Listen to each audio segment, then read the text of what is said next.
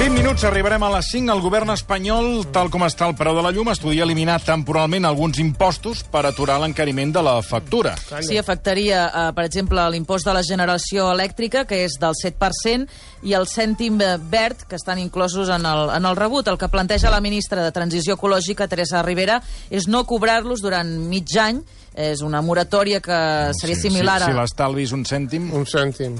Clar, eh, a veure, la moratòria que es va fer el 2018, Oiga. que era similar, amb prou feines va arribar al 4% de, de rebaixa. haya que volver a hacer lo que ya hicimos en su momento, la suspensión de alguno de los momentos, alguno de los elementos fiscales con carácter excepcional y provisional, pero buscando facilitar a los consumidores hacer frente a una factura que no es imputable a un incremento real de los costes. En canvi, en quedaria fora d'aquesta moratòria l'IVA, que continuarà, com sabeu, al 21%. Ah, això, sí. això, Eh, això, eh, això és el que haurien de baixar, El, precisament. sí, el preu de la llum que està en màxims històrics avui es paga més de 84 euros al megawatt, 94 euros al megawatt hora. L'hora més cara serà de 8 a 9 del vespre, atenció, superant els 105 euros. Jesús. Són unos cabrones. Demà baixa una mica, serà un 1,7% més barata, però es mantindrà per sobre d'aquests 90 euros al megawatt hora. El preu més alt de demà serà a les 9 de la nit, eh, que pagarem 102 euros al megawatt hora. Vinga. Doncs, eh, sense perdre més temps, Salvador Salat, enginyer industrial i consultor energètic, molt bona tarda. Hola, molt bona tarda. Vostè és el nostre far energètic en aquest programa i mm, la primera pregunta que li faig és... mm, és que no, no, directament, eh? No, no ho entenc. O sigui, no entenc com eh, ens expliquen que hi ha una remodelació de la factura perquè el consumidor mm, doncs, eh, li surt, fa, o sigui, estalvi, eh, en aquest cas amb l'energia, i de cop i volta estem en uns preus desorbitats i la factura disparada. Mm, Expliqui'm una mica com... ho- com explic, bueno, expliqui-m'ho, si m'ho pot explicar. Sí, a veure, eh, ho intentaré, però tampoc és que sigui... La, la, la meva feina avui ja, ja l'ha fet la ministra. O sigui, la ministra acaba amb aquestes declaracions ho ha explicat tot. És a dir, la pujada que ara tenim és una, una pujada que no té res a veure amb els costos. Si li sembla, anem a pams. Primer, eh, vam començar el mes de juny amb una bona notícia, eh? encara que amb moltes, amb, molt, amb, mo- amb, moltes tertúlies es deia que era una mala notícia, el canvi de tarifa era una bona notícia. Per què? Perquè el govern espanyol per primera vegada va desfer una mala decisió. Fa uns quants anys van pujar el terme fixe moltíssim, el govern del PP, de manera que eh, si estalviàvem gairebé continuàvem pagant el mateix. Doncs el govern socialista va decidir fer un canvi de tarifes que el primer que feia era baixar aquest terme fixe. Bona notícia. La segona notícia és que ens posava trams. Això eh, reconec que és un mal de cap, però si ho agafem per la mitjana, o sigui, per la majoria de la gent a casa, domèstica, Sí?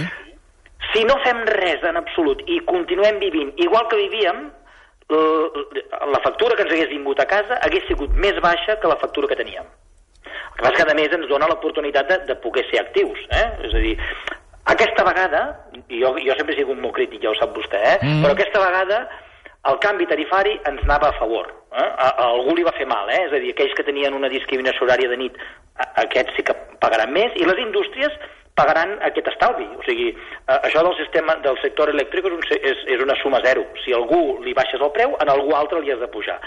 I el que va fer el Ministeri bueno, doncs, els domèstics els hauríem de baixar. I amb aquesta primera decisió, doncs, van aconseguir-ho baixar. I sí, sí, ens hauria baixat, si no hagués passat el que ara està passant, ens hauria baixat.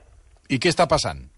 Bueno, doncs el que està passant és el que ha dit la ministra, que, que, la, que, la, que el que paguem per l'energia no és el que costa, és l'oportunitat que tenen les empreses elèctriques de poder fer una bona oferta. M'explico. Si, si vostès recorden, en- en aquest sistema de, de, de subhastes no cobres el preu que tu dius, sinó cobres el preu del més car. Mm? Això vol dir que no penses en, en un moment determinat, sinó que penses en el global.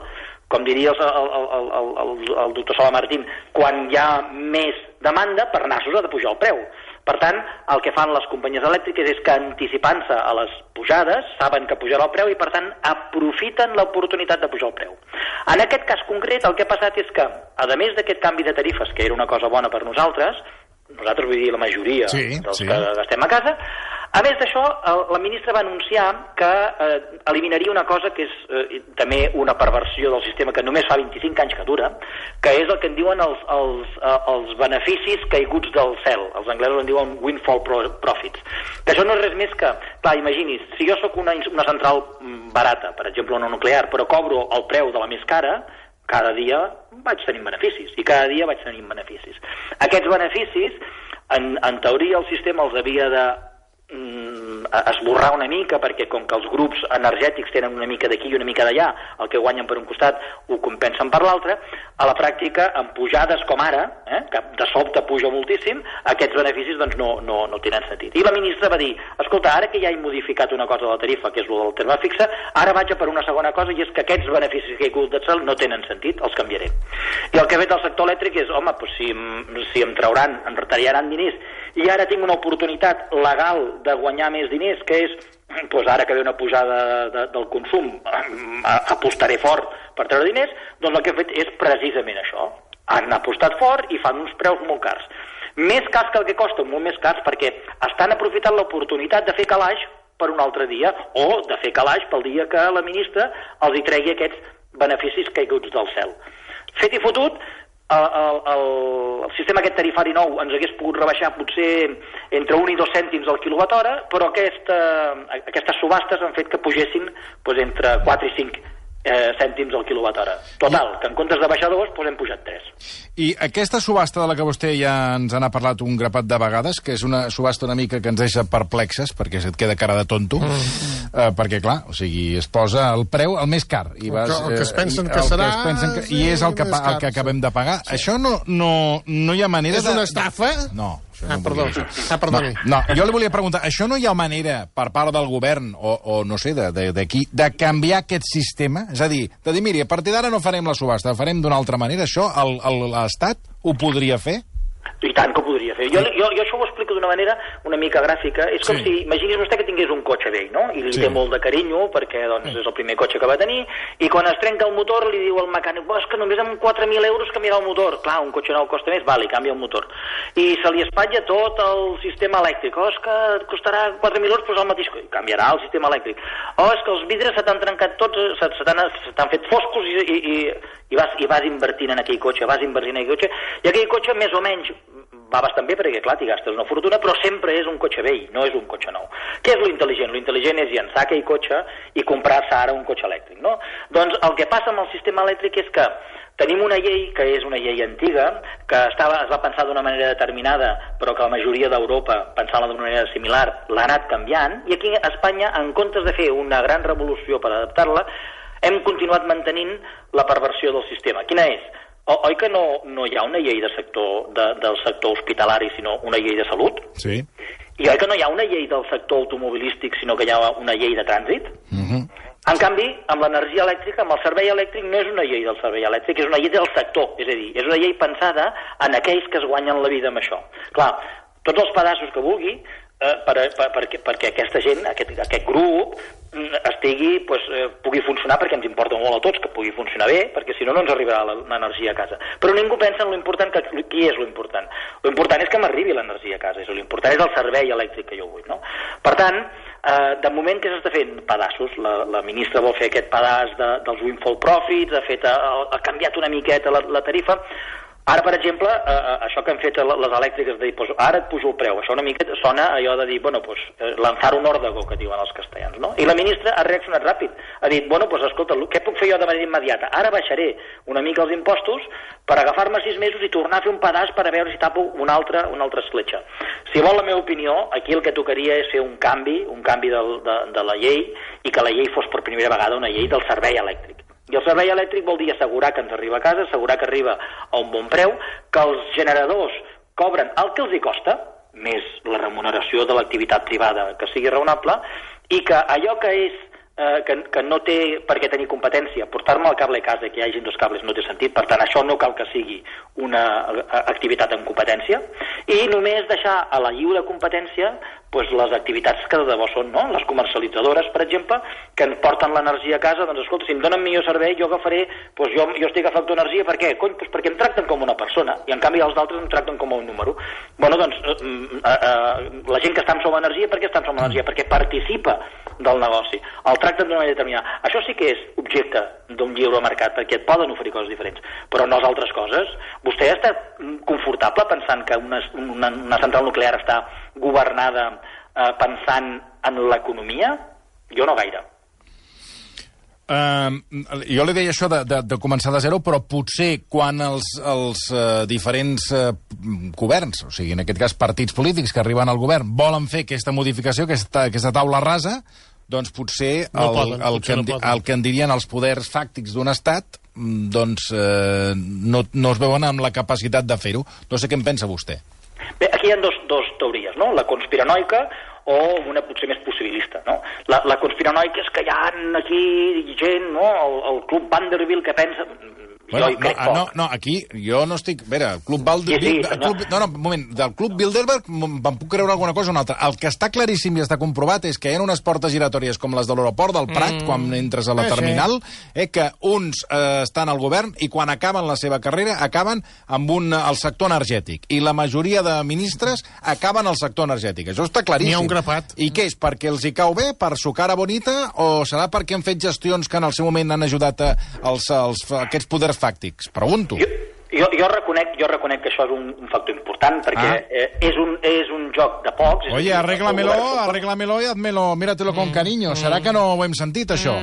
Però sí que és cert que tenim un... Tenim, mm, és a dir, aquest sector té una complexitat, té una complexitat eh, que el fa difícil de gestionar. I aquesta complexitat és que venim de- d'una cosa absolutament regulada i d'un dia per l'altre, l'any 96, la Unió Europea diu que això ha de ser desregulat i l'any 97 Espanya ja ho desregula tot. De manera que és, és cert que aquest canvi d'Europa que vam fer eh, tot d'una, a, a França van trigar 15 anys a acabar fent el canvi. Nosaltres ho vam fer en un any. Uh, um, aquest canvi uh, uh, és, una, és una gran pedra a la sabata, no? I avui, clar, avui tornar a desfer allò és difícil perquè Europa ens va donar temps i no el vam aprofitar.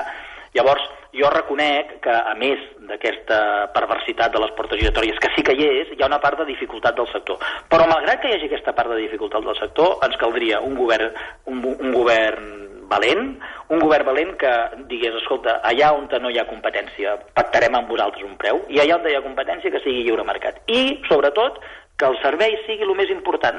Tots, tots, tots els elements, tots els actors que juguen d'aquest sector haurien d'estar al voltant de proporcionar un bon servei elèctric, i avui no és la prioritat. Eh? I, per tant, eh, és cert que hi ha dificultat, la reconec, eh? però no seria bo que continuéssim molt de temps fent pedaços. Eh? En algun moment s'haurà de dir, escolta, canviem les regles del joc, l'energia que, per exemple, amb les, ara ja comença a passar amb les renovables. Les renovables arribarà un moment en el qual no aniran a mercat, sinó que se'ls impactarà un preu a llarg termini. Si acabem pactant preus a llarg termini amb la majoria de l'energia, aquests sotracs de que l'energia es posa cara només serà per una part petita. És a dir, la majoria estarà comprada, si la majoria està ben comprada el preu no hauria de pujar i només hi haurà els sotracs per les puntes, no? per aquestes coses que ara en sobra una mica o ara en falta. Bé, doncs, eh, aquest seria el bon sistema. Avui per avui, malgrat que hi ha alguns indicis interessants, com aquest de- d'acabar amb el Windfall Project, Profits, no estem encara en la dinàmica de, de fer el canvi radical que, que, li, que li faria falta al país. L'han de fer, l'han de fer conseller, no Salat. I tant.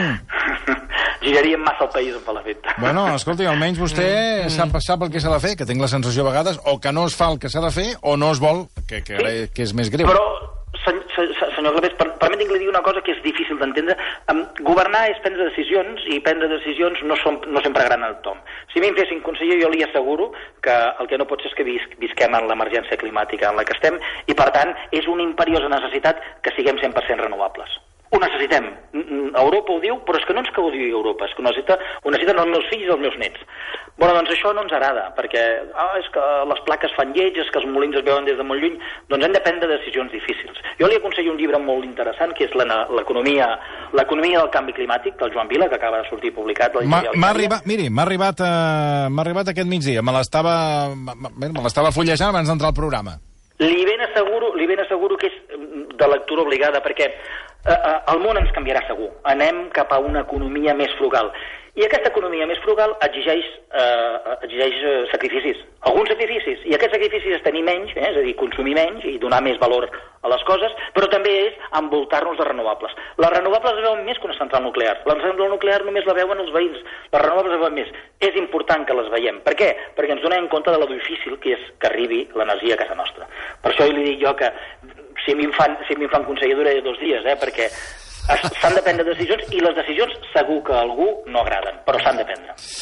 Salvador Salat, moltíssimes gràcies, com sempre. Li agraeixo moltíssim eh, en fi, que ens ho expliqui tan bé, perquè vàrem parlar fa poc i no vaig entendre res. Per tant, eh, moltes gràcies, una vegada Espero més. que, que serveixi perquè No, vostè sí. fem aquest taum. Eh?